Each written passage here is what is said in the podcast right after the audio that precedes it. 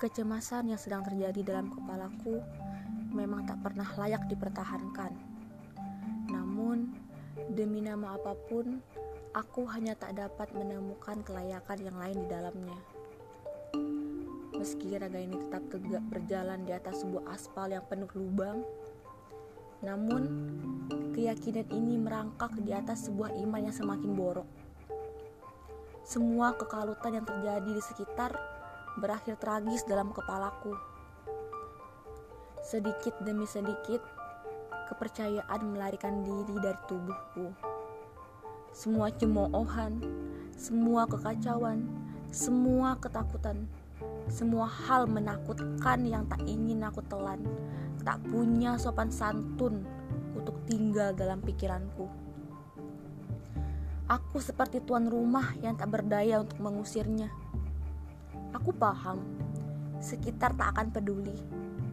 Bahkan di antaranya mungkin diam-diam senang melihatku yang tengah menderita.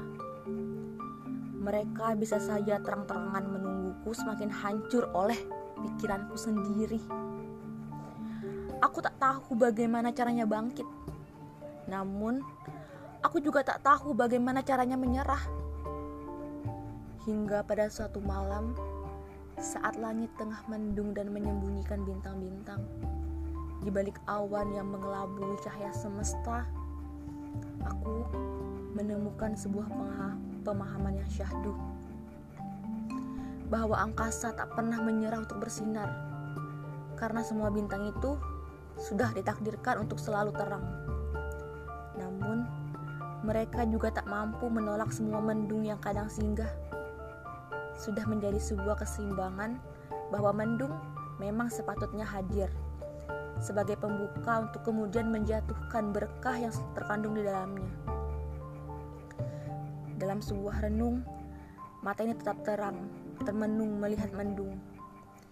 Di saat yang sama, hati ini mulai merona dan ingin berhenti merana.